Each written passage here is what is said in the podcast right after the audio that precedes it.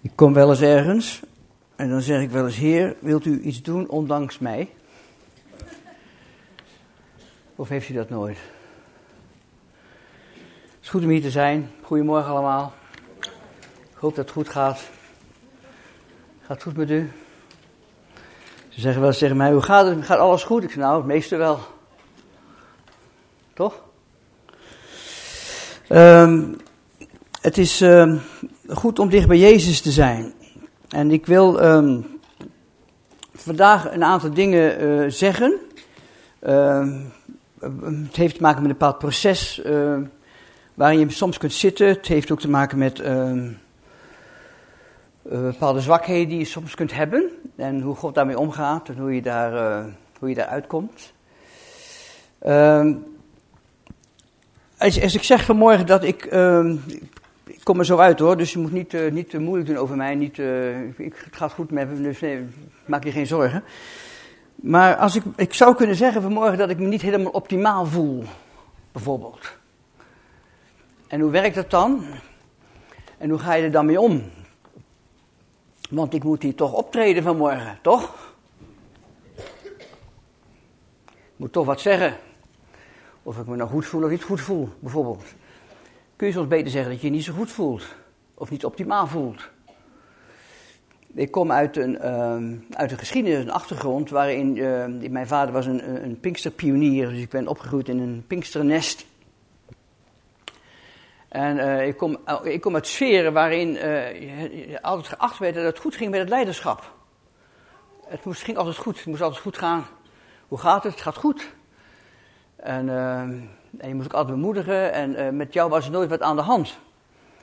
En door dat te doen uh, creëerden we vaak een afstand tussen het, het gewone volk en het leiderschap. Want die konden nooit bij je komen, maar die hadden altijd problemen. En jij had ze niet. En ehm, daar ben ik gelukkig van afgestapt al een hele tijd geleden. Omdat ik heb geleerd dat als je ook durft te spreken van je zwakheid en ook durft te zeggen dat het niet zo goed gaat, dat het eerder je autoriteit vergroot als verkleint. Want hoe ga je om met de dingen van het leven? Uh, ik had een, een, een, typische ervaring uh, uh, gisteren. omdat, um, hoe moet ik het nou zeggen? Um, er, zijn, er gebeuren soms dingen in je leven ehm, die, die, uh, waar je zelf debet aan bent. En het, Nederlandse spreekwoord zegt dan, uh, wie, op zijn, wie zijn gat brandt, moet op de blaren zitten. Maar ik, ik heb me afgevraagd of het bij God wel altijd zo is. En wij zijn natuurlijk mensen, maar als, je, als het echt zo zou zijn in de ogen van God, wie, wie zijn gat brandt op de blaren zitten, dan hadden wij grote problemen ik ben, ben toch af en toe blij dat hij met een zalfje komt wat heel snel herstelt. Waardoor ik het niet zo lang of helemaal niet op hoef te zitten.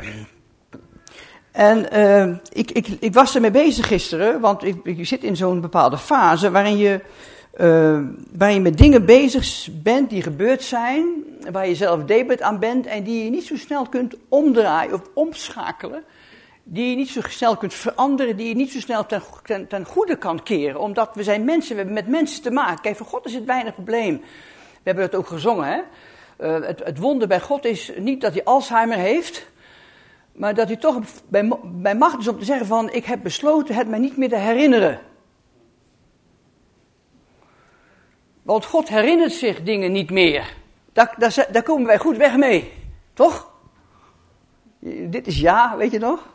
Dit is nee. En dit is ik weet het niet. Laten we een beetje communiceren. God herinnert zich dingen niet meer. En ik zeg nogmaals, niet dat hij Alzheimer heeft, maar God is zo machtig dat hij kan besluiten zich dingen niet meer te herinneren. Is dat niet geweldig? God is ook zo machtig dat hij kan besluiten om zichzelf te begrenzen. Op een dag vroeg hij aan mij: Dolf, wil jij met mij wandelen? Want ik wil het niet alleen doen. Ik heb een lichaam, ik wil het met jou doen. Ik besluit om het niet meer alleen te doen. Dat vroeg hij aan mij en toen zei ik ja. En op het moment dat ik ja zei, begrensde God zich. Want God kan het natuurlijk veel sneller alleen. Toch?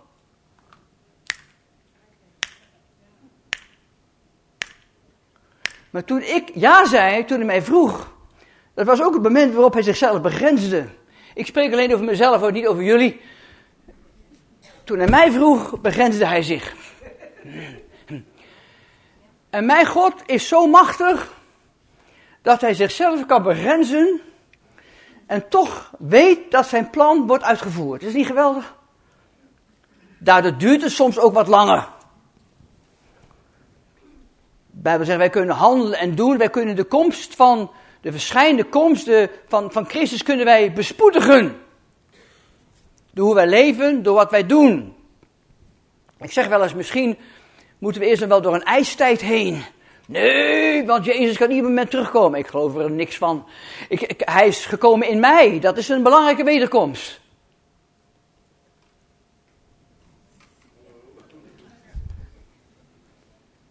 De wederkomst van Christus in mij. In ons. Ik moet er in, Matthäus 26 zegt Jezus tegen Pilatus. Hij zegt, dit zegt tegen Pilatus, ik weet niet of je er al over nagedacht. Hij zegt, uh, vanaf dit moment Vanaf dit moment, dat is dus 2000 jaar geleden, hè?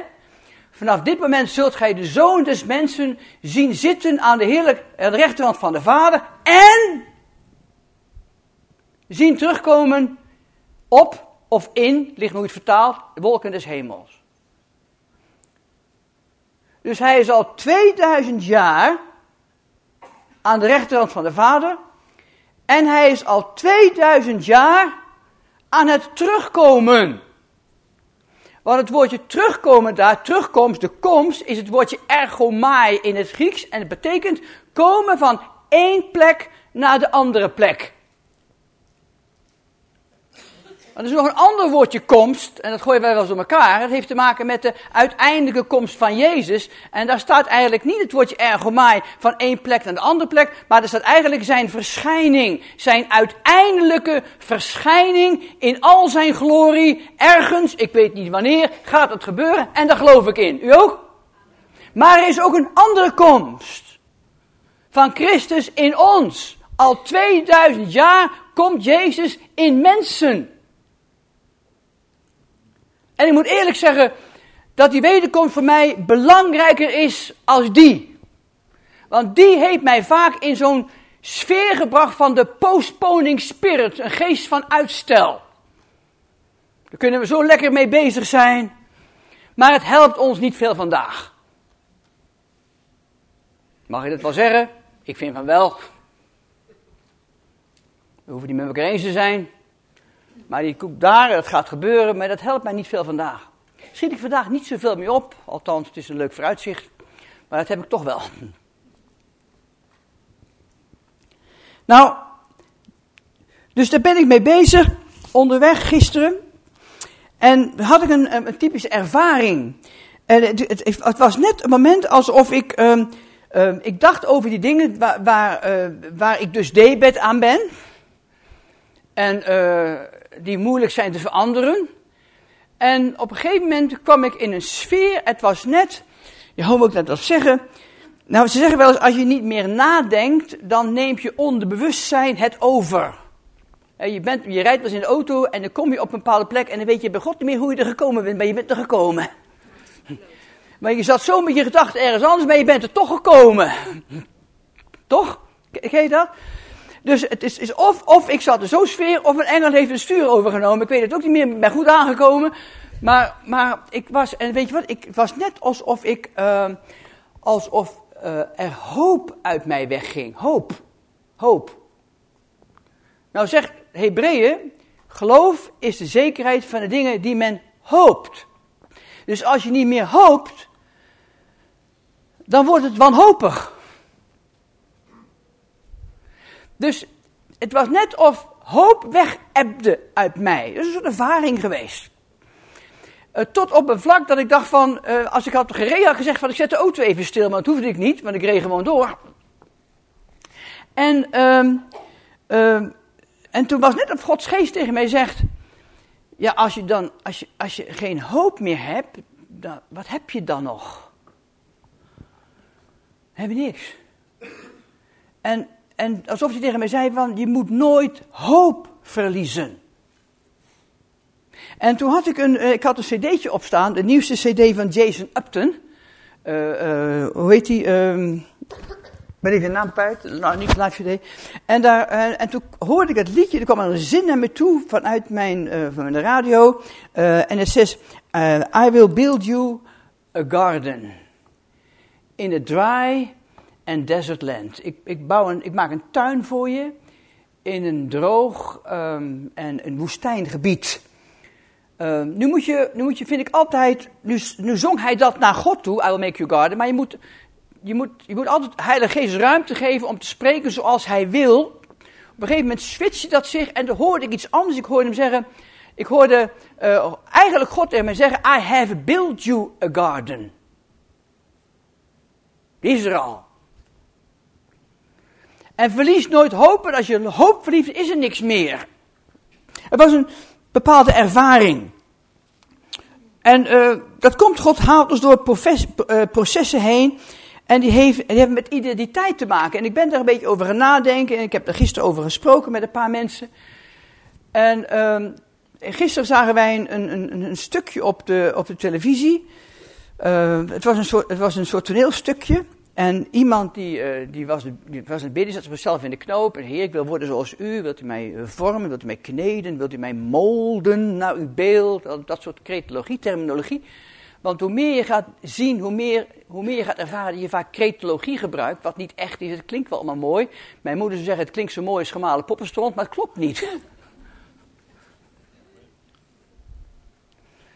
En, en, toen, in, in, en toen verscheen God naast hem. En God, in, in, God mij, je bent niet zo te spreken over jezelf, hè? Um, uh, en, die persoon zei, nee, ik ben niet zo echt te spreken over mezelf. En toen zei God tegen hem, but you are my masterpiece, je bent mijn meesterstuk. En, en, um, en, en God stond dan bij hem met een bijtel en met een hamer. Want hij had gevraagd, mold mij, kneed mij, vorm mij. Uh, en God stond met die, met met die hamer. En die wilde dus met hem aan de slag. Maar hij zegt eerst, you are my masterpiece. Je bent een meesterstuk. En dan gaat hij vervolgens, ging hij met die, met die, met die hamer en met die bijtel, ging die stukjes, dat was allemaal in het toneel, dat was echt natuurlijk, uit hem weghakken. Uh, uh, hij hakte egoïsme weg, uh, lust weg, jaloezie weg. om, om, dat hakte hij allemaal weg, wat in hem niet goed was, dat hakte hij in mij, in mij weg. En ik zat naar de kijk, ik zeg, dat klopt niet.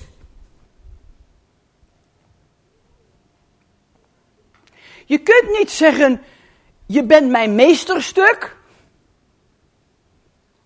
En dan vervolgens nog allerlei dingen eraf gaan hakken die er niet in horen.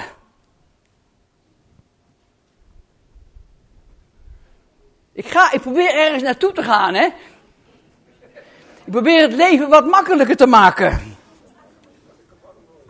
Uh, dus je bent mijn meesterstuk en maar hakken, jongens. Um, en die oude mens maar opkalefateren. Want daar komt het op neer. Um, of, of, of, hoe heb ik het opgeschreven hier? Of de ideale ik maken. Want het is vaak, als we praten over identiteit, hè. Iemand zei eens wat, uh, wie, ben jij, uh, wie ben jij eigenlijk? En die zei zo, nou, ik werk daar en daar, ik doe dit, dit, dit. Toen zei hij, nee, ik vraag niet waar je werkt, ik vraag wie je bent. Zei, nou, uh, uh, ik, ik, ik, ik, ik, ik, ik sport en ik jog en ik ga. Hij zei, nee, ik vraag ook niet wat je hobby's zijn, ik vraag wie je bent. Moeilijke vraag. Dat komt er niet uit. Ik niet. Omdat als wij praten over identiteit, als ik christenen over identiteit hoor praten, is het vaak, dan creëren ze vaak een ideale ik hoe dat zij denken dat God wil dat zij zijn. En nog daarbij gefantaseerd. En uh, dus ik, ik, probeer die, ik probeer die omschakeling te maken. God zegt tegen mij, hij zegt tegen jou, you are my masterpiece. Omdat de Bijbel zegt, die oude mens van jou, die moet je beschouwen als begraven. En daar zit het gedonder in. Dus als je je oude mens ziet als begraven, Engels zou zeggen, recognize your old man dead, beschouw je oude mens begraven en gekruisigd, dan moet je eens stoppen met die steeds opnieuw te begraven en steeds te kruisigen. Iemand zei tegen mij, je moet aan jezelf sterven. Ik zeg, ik moet niet aan mezelf sterven, ik moet leven. Ja, je moet je oude mens kruisigen. Ben je nou glad? Die is gekruisigd. Dus de ene, het ene energieverbruik om wat aan die oude mensen doen, ja, dat is gewoon het stupide vervallen in een soort valkuil. Want wat, wat valt er nou te sleutelen aan iets wat dood is? Dus zei iemand tegen mij, Dolf, ik heb, kun jij mij nou, op, op Facebook, je had veel problemen, ik zit op Facebook hè. Die, die, zei tegen mij van, kun je me nou eens uitleggen hoe ik moet leren omgaan met die oude mens van mij? Ik zei, jongen, als ik jou moet leren omgaan met die oude mens van jou, dan moet ik eerst een wonder verrichten. Dan moet ik hem eerst opwekken. Dat kun je aan mij niet vragen. Dat kan ik jou nooit leren. Dus, dus, dus weet je wat het punt is? Het is niet zo dat God zegt, je bent mijn masterpiece en vervolgens allerlei foute dingen aan jou gaat afhakken, want die liggen al lang begraven. Wat God doet, waar het altijd om gaat, is om de vernieuwing van je denken. Je bent een masterpiece. Kom ik over. Je bent een nieuwe schepping. Maar het gaat om de vernieuwing van ons denken. Niet om te hakken. En, en weet je, als ik lees in Jacobus, Jacobus 1, vers 23, daar staat een, um, een, een hoorder van het woord. Ik heb het al eens eerder gezegd hier, denk ik. Is iemand, de Engelse vertaling zegt, die met zijn natuurlijke gelaat in de spiegel schouwt. In onze Bijbel staat, die met het gelaat waarmee hij geboren is in de spiegelschouw. Hetzelfde, denk ik. Op grond van mijn taalkunde denk ik dat hetzelfde is ongeveer. En hij kijkt in die spiegel. En als hij zich omdraait, dan weet hij niet meer hoe hij eruit ziet. Ik heb altijd een vreemde tekst. Ik heb dat een domme tekst gevonden altijd. Want ik ben 62 jaar. En als ik in de spiegel kijk en ik draai me om, weet ik precies hoe ik eruit zie. Want als ik me omdraai, herken ik me weer.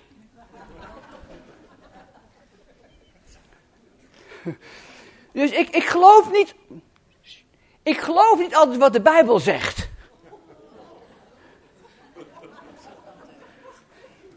Dus als ik iets vreemds zie in die Bijbel, dan, dan durf ik te vragen, klopt er iets niet? In plaats van die stomzinnige denktrand, zal wel kloppen, wat staat erin? Want daar kun je flink mee op je neus vallen. Dus ik zoek dat op. Staat er niet. Staat er niet. Er staat dit. Wie met zijn Genesis gelaat in de spiegel kijkt. En dat betekent met je Genesis gelaat in de spiegel kijkt dat je ziet hoe God jou bedoeld heeft. En als je leeft met Christus en leeft in die vernieuwing van denken en met Jezus wandelt, als je doet wat Hij zegt en wat hij zegt is, hij zegt, heb elkander lief zoals ik u heb lief gehad. Wat hebben we ook zo'n probleem Want je bent mijn vrienden als je doet wat ik gebied. En dan denken we dat hij ons vreselijk veel gevraagd heeft. Maar wat hij daar vraagt is om elkaar lief te hebben zoals hij ons heeft lief gehad. Dat vraagt hij. En dan zegt hij, als je doet wat ik zeg, als je gehoorzaam bent. Dus als wij leven met Jezus, als we geen hoorders zijn, maar doeners en wij draaien ons om, dan weten wij nog steeds wat hij, hoe hij ons oorspronkelijk bedoelt. En zo zijn we. En dan gaat het om de vernieuwing dan van ons denken. Dat we God ruimte geven om ons denk te vernieuwen, zodat wij komen in dezelfde denktrand als van God. Nou, ik weet niet of ik hier wat meer gezegd heb, je hebt zo'n vreselijk, um, je hebt zo'n heel mooie uitspraak. Het is vreselijk, maar ik zal het mooie beginnen. Want het is zo vroom als gemalen poppenstond, zegt mijn moeder. Dus dan klinkt het altijd goed, maar het klopt niet. Dan zeggen ze, God houdt zoveel van jou. Dat hij jou niet gaat laten zoals je bent. Ken je die uitbraak? Klopt geen fluit van. Klopt niks van. Dat is precies hetzelfde als jij, toen je van haar hield, dan zei je van, ik wil met je trouwen. Ik hou zoveel van je, ik wil met je trouwen, maar ik ga je niet laten zoals je bent. Dan zeg je toch geen ja tegen zo'n vent?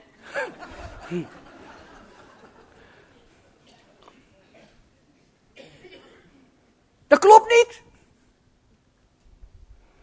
En dat is onvoorwaardelijke liefde en daar kunnen wij heel moeilijk mee omgaan. Het is bijna, ik zeg niet onmogelijk, want bij God is al dingen mogelijk, maar het is bijna onmogelijk voor ons om een voorwaardelijke liefde toe te passen zoals God die toepast. Het is bijna onmogelijk. Maar er zit altijd iets van voorwaarden in. Zelfs dat ik gezegd heb, ja, laat ik, laat ik het zo zeggen. Uh, Gods liefde is onvoorwaardelijk. Met andere woorden, hij houdt van jou. You're his masterpiece. En hij wil, wordt vernieuwd in je denken. Hij wil dat denken van ons vernieuwen. Maar het veranderingsproces, de verantwoordelijkheid van het veranderingsproces ligt niet alleen bij God. Ik zeg niet dat God je niet in een veranderingsproces kan dwingen. Dat hoor je mij niet zeggen. Hij kon ook Paulus van zijn paard afschoppen. Maar daar gaat het me niet om. Maar het veranderingsproces is niet alleen bij God. Is iets wat vanuit ons hart voortkomt. Met andere woorden, God zegt, hij wil ons graag, hij wil dat we in, dat ons denken vernieuwen, maar als wij dat niet willen, dan houdt hij nog evenveel van ons. Dus als je niet verandert, houdt hij nog net zoveel van je. Maar ik was dan gewend om erachter te zeggen, maar natuurlijk, God gehoorzaamt ook, God beloont ook gehoorzaamheid. En terwijl ik dat zei, bracht ik het bijna weer in een voorwaardelijke positie. Met andere woorden, je kunt toch extra zegening krijgen wanneer je roos bent. En het is ook zo. Maar het is niet dat God daar nou voortdurend op loopt te letten. Er zijn ook wetten. Als je, de Bijbel zegt, als je goed voor je ouders zorgt, He, dan worden aan je toegevoegd. Dat, dat is een belofte. Dat geloof ik. Ik ken mensen die hebben zoveel ruzie met hun ouders. Ik kan me voorstellen dat dat hun leven inkort. Laat ik het nou eens omdraaien. En noem je dat dan straf? En dan noem je dan beloning. Er klopt iets niet in die redenatie. Ik heb, uh, wij hebben kinderen en die deden ook niet altijd wel wat we zeggen. Wij ook niet altijd even gehoorzaam, maar je betaalde gewoon dat schoolgeld, hoor. en je betaalde gewoon dat eten. Waarom? Omdat je van ze hield. en dat je er verantwoordelijk voor was, laten we eerlijk wezen. Denk je echt dat God je alleen maar geeft dat jij iets geeft? Net zo meer dat God, eh, dat God begint ook niet te werken als wij, als wij alles doorhebben, want dan werkt hij nooit natuurlijk.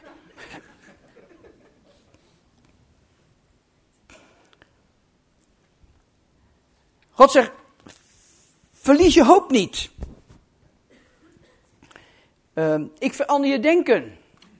Ik geef ruimte.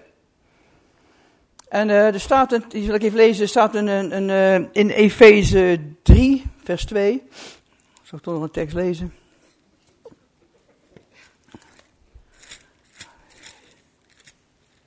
Dus je bent Gods, je bent Gods meesterstuk, hè? Dus hij loopt niet van je weg te hakken wat niet goed is, want dat is er niet meer.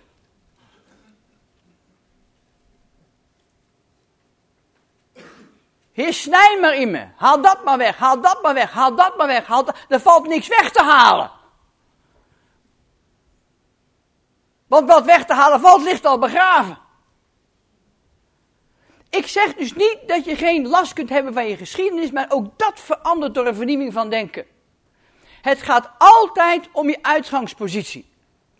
Je hoort mij ook niet zeggen dat ik volmaakt ben. Je hoort mij ook niet zeggen dat ik geen fouten ben. Maar het heeft te maken met je uitgangspositie. Het heeft te maken. Ik, ik heb wel eens nagedacht over identiteit en wij praten daar wat te makkelijk mee. Kijk, ik heb een uitspraak, zeg identiteit. Dat betekent dat je niet bent door wat je doet. Dus wat je doet bepaalt niet je identiteit. Maar jouw doen komt voort uit wie je bent. En ik, ik, ben, ik heb tot de conclusie gekomen dat de, dat de beste mensen die daarover kunnen oordelen, zijn de mensen die naar jou kijken. Identiteit heeft ook heel sterk te maken met volwassenheid. Volwassenheid is niet dat ik veel weet, of veel kennis heb, of veel teksten uit mijn hoofd heet, of, of honderden boeken heb gelezen. Volwassenheid is veel meer uh, mijn houding naar mensen toe die anders denken als ik. Of die niet hetzelfde geloven als ik. Hoe ga ik daar mee om? Dat heeft met volwassenheid te maken. Volwassenheid heeft te maken. Kijk, ik heb een weg bewandeld. En er zijn. Ik wil nooit meer terug naar waar ik gewandeld heb. En een aantal van jullie kennen me goed genoeg om te weten waar het over gaat. Mijn denkpatroon over religie en over kerk. Die hebben een behoorlijke switch gemaakt. En uh, ik, heb, ik heb ook grote problemen met dingen uit de geschiedenis. Uh, grote dingen die met het instituut kerk te maken hebben. Maar ik moet wel volwassen genoeg zijn om andere mensen ruimte te geven om diezelfde weg te wandelen die ik dan gewandeld heb. Wat heet? Ik moet zelfs ruimte geven aan mensen die een heel andere weg willen bewandelen. En dat is zichtbaar. En je laat het zien aan de mensen om je heen en met wie je omgaat en waarmee je leeft. Hoe ga je met dingen om? Hoe volwassen ben je? Is dat het hart van God? Efeze zegt, Efeze 3, daarom is het dat ik, Paulus, die ter wille van Christus Jezus voor u heidenen in gevangenschap ben. Gij hebt immers gehoord van de bediening door Gods genade mij met het oog op u gegeven. Nou, het woordje bediening, daar staat eigenlijk het woordje stewardship. En het is een, uh, even kijken waar die tekst staat. Uh, Efeze 3, uh, vers 2, ja. En hij staat ook in, um, waar staat hij ook in? In Galaten. Even opzoeken. Heb je even? Uh, gelaten, volgens mij.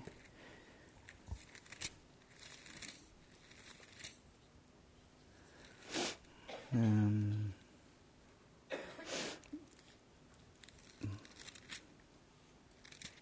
nou goed, maakt niet zo. Het gaat over dat God heeft ons het rentmeesterschap gegeven van de genade. Genade, het heeft te maken met gaven. Het heeft te maken met manier van handelen. Het heeft te maken met goddelijke invloed. Het heeft te maken met vreugde.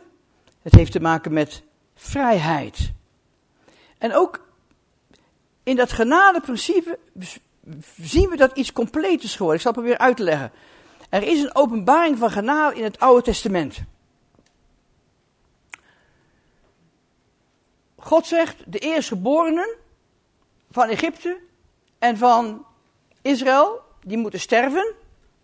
Of die gaan eerstgeboren gaan sterven. Maar hij zegt tegen Israël, ik geef jullie een openbaring van genade.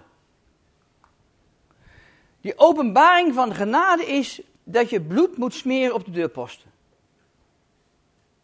Dat is het aanbod van genade. Maar ze moeten wel wat doen. Ze moeten dat bloed op de deurpost smeren. Want doen ze dat niet, dan heeft de genade geen effect. Want dan sterft hun kind.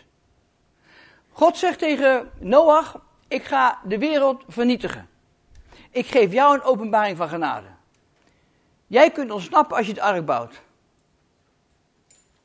Bouw je de ark niet, ben je niet gehoorzaam, je de klos. Dus bij iedere openbaring van de genade zit een opdracht gekoppeld. Hij zegt tegen Israël, ik geef je het beloofde land. Hij stuurt die verspieders uit. En ze komen terug met een rampenverhaal.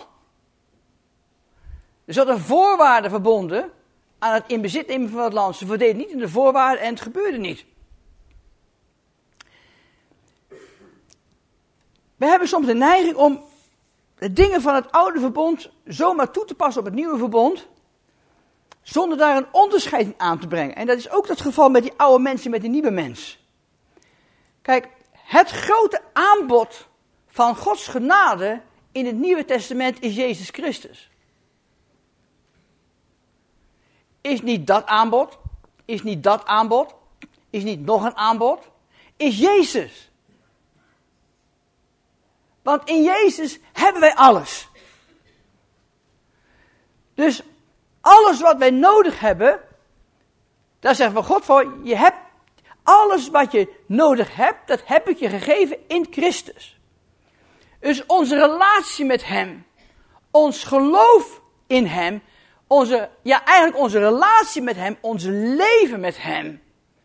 Daarin zit de vervulling van alles wat we nodig hebben. Alles in het koninkrijk van God staat of valt met een relatie.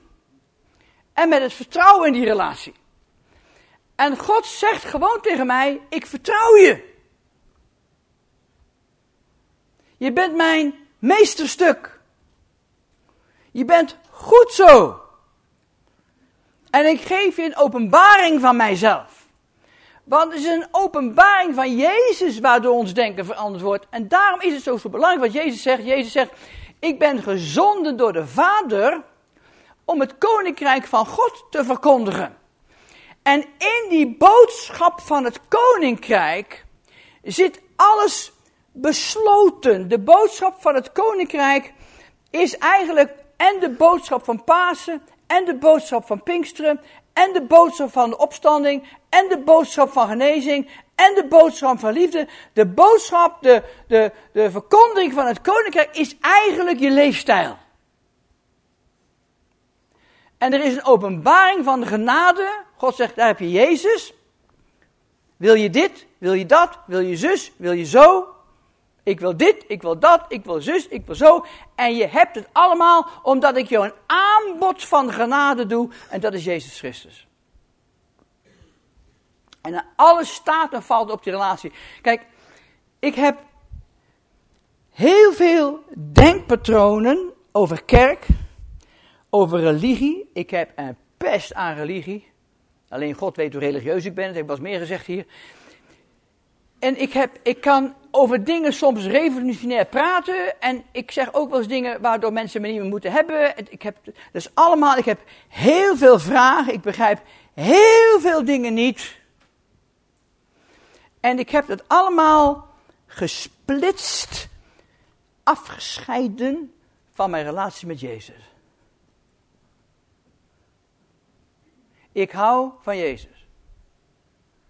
En door wat voor proces ik heen ga, of het proces van nu waar ik heen ga, ik weet, uiteindelijk, aan het eind van de rit, is mijn liefde voor Jezus sterker als ooit tevoren. Ben door een paradigm shift heen gegaan, zeven jaar geleden, van een jaar lang, en niemand begreep me meer. Alleen mijn vrouw vertrouwde me nog, omdat ze zo lang met me getrouwd was, maar dat was ook alles. En, ik, en, en mijn dagelijks gebed was eigenlijk, Heer, behoed mij voor de misleiding. En aan het eind van het jaar hield ik meer van Jezus als ooit tevoren. En dat is altijd het grootste bewijs. Wat ik vandaag tegen je wil zeggen is, je hebt alles ontvangen in Jezus. Er hoeft niet meer gehakt te worden. Ja, dit is een keuze. Je hoeft, het hoeft niet meer gehakt te worden. Je hoeft niet meer te zeggen, Heer, breng me in een of ander moeizaam proces. Zodat ik er van afraak. Hoef niet meer. Ik zeg niet dat God je niet in het proces kan brengen. Ik, ik, ik, vang, ik, ik stop God nooit in een doos. Daarom begrijp ik ook een heleboel dingen niet. Maar God komt tot je in Jezus Christus, de openbaring van Jezus. En openbaring van Jezus is bemachten om je denken absoluut op zijn kop te zetten. Als ze aan Jezus vragen wat is het voornaamste gebod, dan verwachten de mensen van Jezus een interpretatie van de geboden. Je moet niet vergeten, in die tijd hadden de rabbies hadden scholen. En de rabbies, ik heb het al meer gezegd hier iemand, die hadden, die hadden het vermogen om de wet te interpreteren. En als ze dan zeiden van, uh, van uh, uh, de, de Sabbat is heilig, ja, hoe interpreteer je dan? sommige rabbis zeiden van, als dat betekent dat je op die dag niet meer dan twee kilometer mag wandelen, bijvoorbeeld. En als zijn leerlingen dan dat, zich daaraan hielden, dan vervulden ze de wet. Daar komt die uitspraak vandaan. En die, en, en, en, en rabbi kon daar ruimte in geven of geen ruimte in geven. Dus als je aan een rabbi iets vroeg, dan gaf hij altijd een interpretatie van de wet. En die hadden ze op alle fronten. Ook, en als je dan werkt, hoeveel is dat dan? Nou, niet meer dan twee vijgen mag je dan dragen. Dat was een, een interpretatie. Dus er zijn boeken vol van geschreven. Dus ook alle interpretaties over huwelijk en over kookkunst. Hoe vrouwen moesten koken, wanneer ze mochten scheiden. Boeken volgeschreven met allemaal interpretaties van de wet. En de interpretaties van de wet in, in dat denken in die tijd werden jukken genoemd. Daarom hebben wij zoveel jukken. Want we hebben interpretaties over van alles. Hoe we moeten leven, wat we moeten doen, hoe we ons moeten kleden, waar we ons geld aan moeten geven, uh, uh, hoe we onze tienden moeten betalen, uh, hoe we ons moeten gedragen, hoe we ons moeten... We hebben overal wat we moeten doen in bepaalde situaties, hoe we bepaalde problemen moeten op. We hebben overal interpretatie bij barsten van de jukken. In sommige landen van wel of geen make-up, korte of lange rokken, wel of geen spijkerbroeken. het is vol met interpretaties. Wel of geen alcohol. En dan komen ze bij Jezus en dan zeggen ze tegen Jezus, Jezus, wat is nou de voornaamste, wat, wat is nou het belangrijkste van de wet? En weet je, en Jezus geeft geen interpretatie. Hij zegt, gij zult de Heer uw God lief hebben met geheel uw hart, met geheel uw ziel en met geheel uw verstand. Dat is de eerste en de voornaamste. En de tweede daaraan gelijk is, en je zult je naaste lief hebben als jezelf, want daaraan hangt de ganse wet en de profeten. En wat Jezus eigenlijk zei is, zoals als die, als die jongeling zich hield aan de interpretatie van de rabbi, als hij zich daaraan hield, dan vervulde hij de wet. Dat was de denktrand in die tijd. En wat Jezus eigenlijk zegt, kijk, dit is het. En als je nou naar mij kijkt, hoe ik leef, hoe ik handel, wat ik doe, hoe ik met mensen omga, hoe ik mensen terechtwijs, hoe ik ze help. Als je kijkt hoe ik doe, dan zie je hoe ik dat stuk van de wet heb vervuld. Want als je dat doet, zeg ik jullie, dan kun je je gewoon geen bult vallen. Heb de Heer uw God lief met geheel uw hart, gehele ziel en gehele verstand en uw naaste als uzelf. That's it. Niet meer en niet minder. En de rest is bijna allemaal jukken.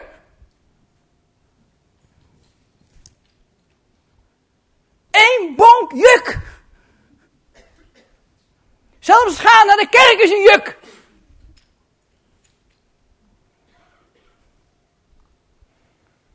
Dan, moet je me niet horen zeggen dat ik niet naar de kerk moet gaan. Hè, maar dat horen mensen dan weer.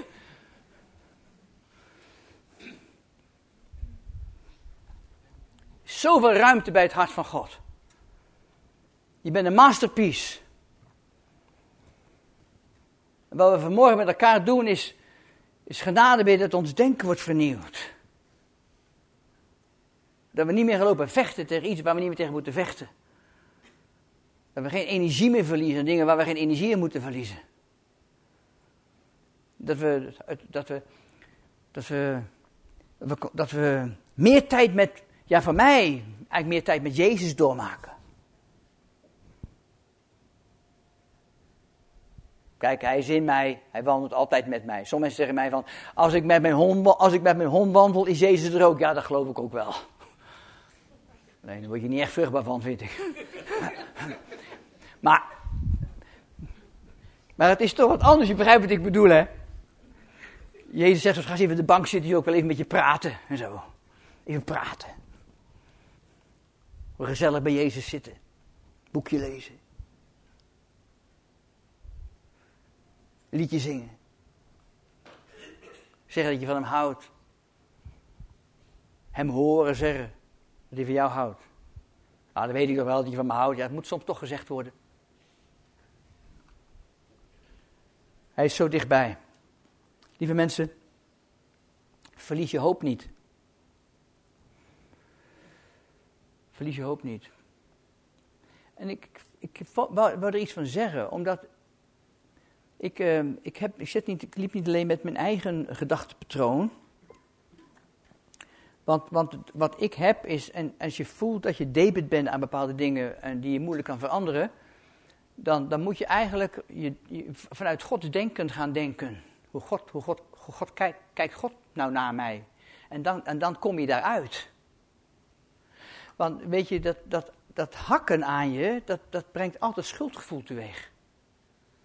Het heeft te maken met de wet van, van, van, van genade en dood, niet met de wet van, van uh, heeft met, met, met, met de wet van zonde en dood en niet met de wet van genade en leven. Proberen vanuit Gods denken te denken. Hoe Hij naar je kijkt. Want dat is de enige optiek om geen hoop te verliezen. En misschien zit je wel en denk je van ja, ik heb ook niet zoveel hoop meer op bepaalde dingen. Hoop is eigenlijk een soort, um, geloof is de zekerheid van dingen die je hoopt. Hoop is een soort, soort, eigenlijk een soort baarmoeder waar de dingen in beginnen te ontwikkelen. En het wordt op een gegeven moment zichtbaar. Omdat je gelooft waarvan je zwanger bent dat het er komt. Als je hier nu zit en je zegt van ik ben wat hoop kwijt.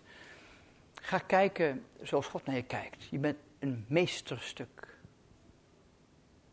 Ja, maar ik ben, uh, ik ben zo egoïstisch. Ja, je, je, denken moet vernieuwd worden. Ik ben jaloers, je denken moet vernieuwd worden. Ik zeg niet dat er niet dingen terecht zijn die je denkt. Maar kijk naar je. Als ik naar mezelf kijk. Hoe kom ik af van dat debetgevoel? Is alleen om te kijken hoe God naar mij kijkt. I'm a masterpiece.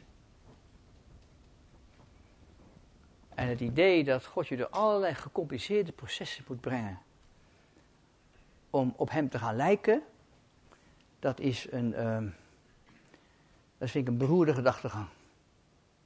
Want hoeveel ellende moet ik dan nog doormaken om volmaakt te worden?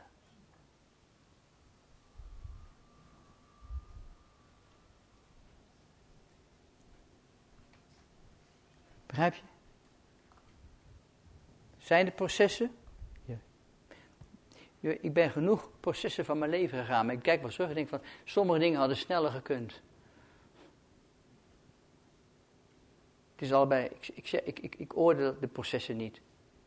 Maar de vernieuwing van je denken heeft te maken met openbaring. Het verandert hier.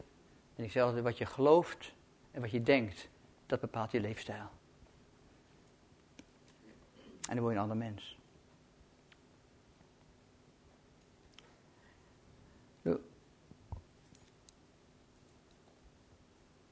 Ik heb. Uh, moet ik nou zeggen? Kijk, heel simpelweg teruggaan naar je relatie met Jezus is het allerbeste. Heel simpelweg teruggaan. Heel simpelweg denken vanuit het feit dat God je vader is. Ik heb het wel eens meer gezegd. Ik, ik, ik, ik zoek allang God niet meer. Omdat ik niet meer zoek wat ik gevonden heb. En ik laat me niet meer, ik wil dat, ik hou, ik heb, ik begin steeds meer een hekel krijgen aan dat religieuze geleuter. Het is, als, als, als je tot Jezus komt en iemand zegt tegen jou, je hebt Jezus gevonden joh. Je hoeft alleen met hem te praten. Of iemand zegt tegen jou, je moet wel vandaag God gaan zoeken. Voel je niet dat daar een groot verschil tussen zit? Zeker omdat we een bepaald een bepaald gesneden beeld van God hebben. En we de juiste vragen weten te stellen, de juiste antwoorden weten te geven. En als je dan een keer iets niet doet of het anders zegt, dan denken we dat hij er niet is, of dat hij het mist, of dat we geen antwoord krijgen. Als God mij geen antwoord geeft, is het nooit omdat hij er niet is. Maar is het gewoon omdat hij mij geen antwoord wil geven. Ik ga hem dan ook niet meer zoeken.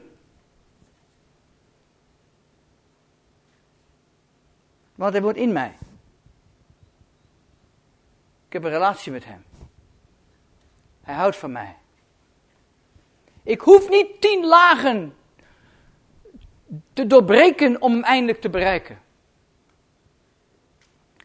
Open de vensters hemel, die zijn al lang open gegaan toen Jezus kwam. Los van het feit dat ik, dat ik zelf een hemelvenster ben. Het is een beweging naar, naar volwassenheid en naar vrijheid. Heer, Heer, open uw hemelvenster. God zegt, word jij nou eens een hemelvenster, joh. Trek je portemonnee nou eens een keer. Denk je nu echt dat ik boven een raam open schuif? Zijn we nog steeds zo naïef?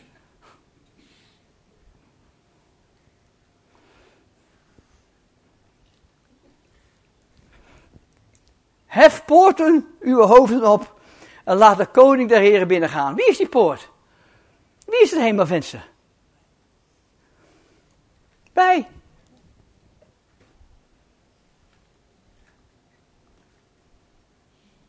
Heeft er iemand honger naar Jezus? Stuur hem niet naar Jezus.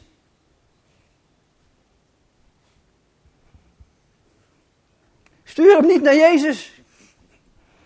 Heb iemand dorst? Stuur hem niet naar Jezus. Geeft gij hem te eten? Van de Christus die in jou leeft. Dat proeven mensen om je heen, die we niet meer van denken.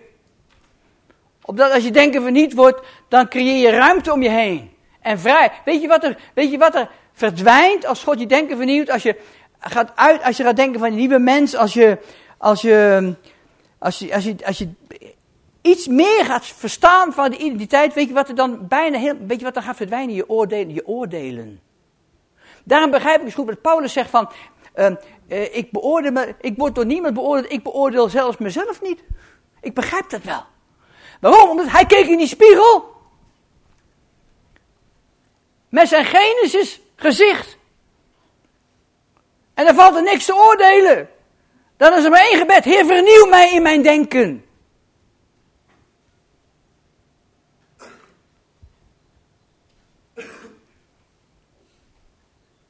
Heer Jezus, help ons, Heer. Wat geen oog heeft gezien en wat geen oor heeft gehoord en wat er geen mensenhart is opgekomen, dat heeft u bereid voor wie u lief hebben. Heilige Geest u vragen, als je mensen zijn die hun hoop zijn kwijtgeraakt. En het niet meer zien zitten dat u een situatie kan veranderen, of een omstandigheid kan veranderen, of een familieprobleem kan veranderen een thuissituatie kan veranderen. Als die hoop er niet meer is, of aan het wegebben is. Wil ik vragen, wilt u, die, wilt u tegen ze zeggen vandaag, Heer, dat u een, een tuin voor hen heeft gemaakt? Die ruimte geeft. Ik zou eigenlijk willen vragen, misschien als je, als je, als je zegt van, ik heb, ik, ik, heb, ben, ik, ben, ik ben hoop kwijt. Zullen we er een moment voor bidden? Als je, als je wil gaan, je hoeft niet te gaan staan, want God ziet ook wel als je zit, maar je zegt, ik ben iemand, ik ben mijn hoop kwijt te raken in een bepaalde situatie, dan kun je even gaan staan als je het wil. Ik weet niet of er iemand is. Hoop, hoop, Heer. Hoop, Heer, ik heb geen hoop meer. Dat u, dat u ergens iets aan kan doen, iets specifieks bidden. Degene die erbij zit, misschien kun je je hand op me leggen. Als je in de buurt zit van iemand. En voor ze bidden. Zullen we allemaal mee bidden? Heer Jezus. Wees vrijmoedig, hè? Bijbel zegt, bid voor elkaar dat gij genezing ontvangt. Hè? Als je voelt dat je bij iemand moet gaan staan of weer te bidden, ga doe het dan maar.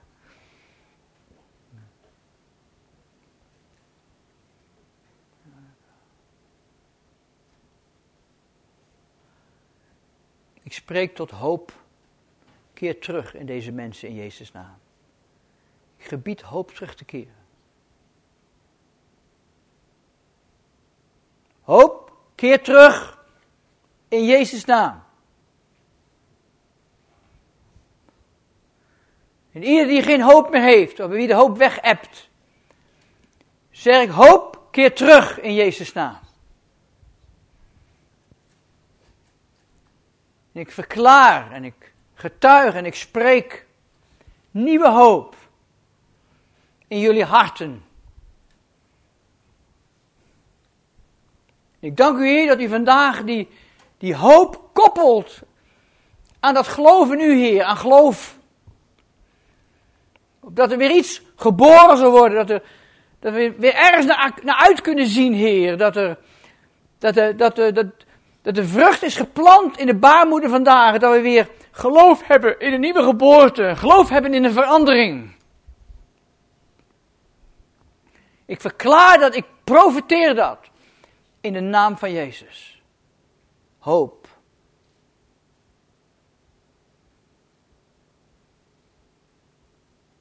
Dank u Jezus. Dat u iets doet. Dat u uw woord waarmaakt. Heer, ik bid voor al diegenen die, die voortdurend maar willen dat er gehakt wordt, omdat ze op u willen lijken. En die denken dat ze allerlei pijnlijke processen moeten gaan om toch maar op u te lijken. Wil ik eigenlijk vragen dat u toch een akelig snel werk doet vandaag hier. Een akelig snel werk, alstublieft. En zomaar iets, dingen in ons denken omzoeven. Zodat we als, we, als we deze plek verlaten, Heer, dat we zeggen, jongen, wat zijn we opgeschoten vanmorgen. Goh, ik dacht dat ik, daar, ik dacht dat ik nog door het proces heen moest, maar ik ben wat kwijt. ik dacht dat ik nog bevrijd moest worden van demonen en ze zijn ineens weg. Alleen maar omdat ik hier iets is veranderd. Ik dacht dat ik door zoveel lagen heen moest om u te bereiken. Ik dacht dat ik dat ik moest komen tot een magisch getal van een aantal voorbidders, voordat je eindelijk wat kon gaan doen. En nu blijkt het ineens, ineens niet meer zo te zijn. Mijn moeder bad voor me, mijn, moeder bad zeker zoveel als 30 mensen voor me. En toen mijn moeder doodging, zei ze tegen me, Dolf, je moeder is dood. Nou moet je toch wel, wel voorbidders gaan zoeken. Ik zeg, ben je nou glad gek? Daar besteed ik geen moment energie in. Ja, maar jij gaat toch naar India en Afrika, dan moet je toch een voorbedenleger hebben. Ik zeg, ben je nou glad gek? Vind ik het fijn dat mensen voor me bidden? Ja, maar ik laat me niet in een religieus pijpje douwen. Want ik heb één grote voorbidder. Daar hebben we nog over gezongen vandaag. Dat is Jezus Christus. Of bidt er niemand voor me, ga ik toch naar Afrika.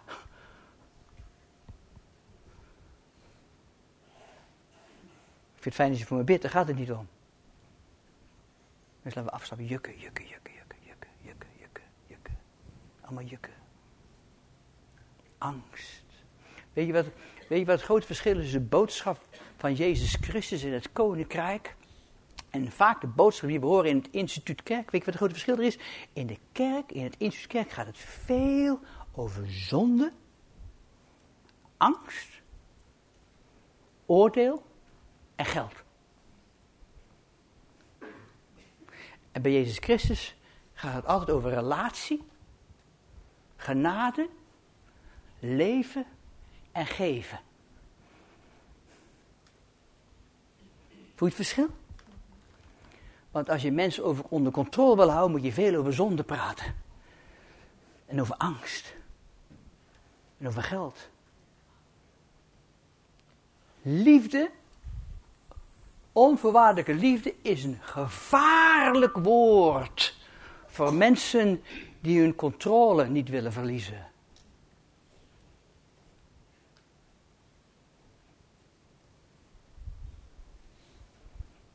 Als God je op een punt brengt dat je je niet meer hoeft te bewijzen.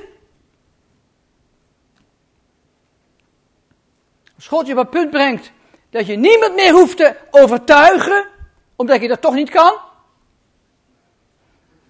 En als God je op een punt brengt dat je ziet dat zelfs het zaad wat je zaait, je niet kunt laten opkomen, dan wordt het leven een stuk makkelijker.